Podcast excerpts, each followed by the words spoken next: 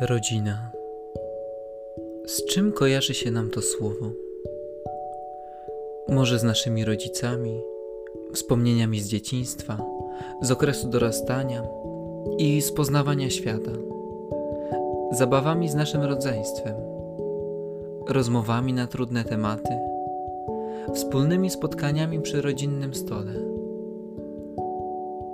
Spróbujmy sami pomyśleć, czym dla nas jest rodzina.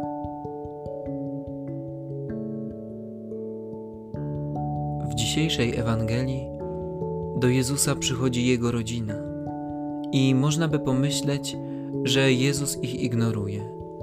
Nie wyraża chęci spotkania z matką, zajęty dalej nauczaniem, nie ma pragnienia zobaczenia się z najbliższymi. Jezus jednak tak nie czyni.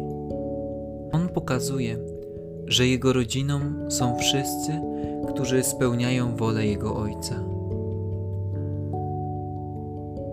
Możemy mieć zniekształcony obraz Ojca. Może nasz ziemski Ojciec często nas zawodził, poniżał, nie traktował jak swojego najukochańszego syna czy córkę. I przez ten pryzmat przepuszczamy obraz Ojca Niebieskiego. Dlatego spróbujmy dziś pomodlić się do Maryi o to, aby pomogła nam zobaczyć prawdziwe oblicze naszego Boga, naszego Ojca, który jest naszym najlepszym Ojcem.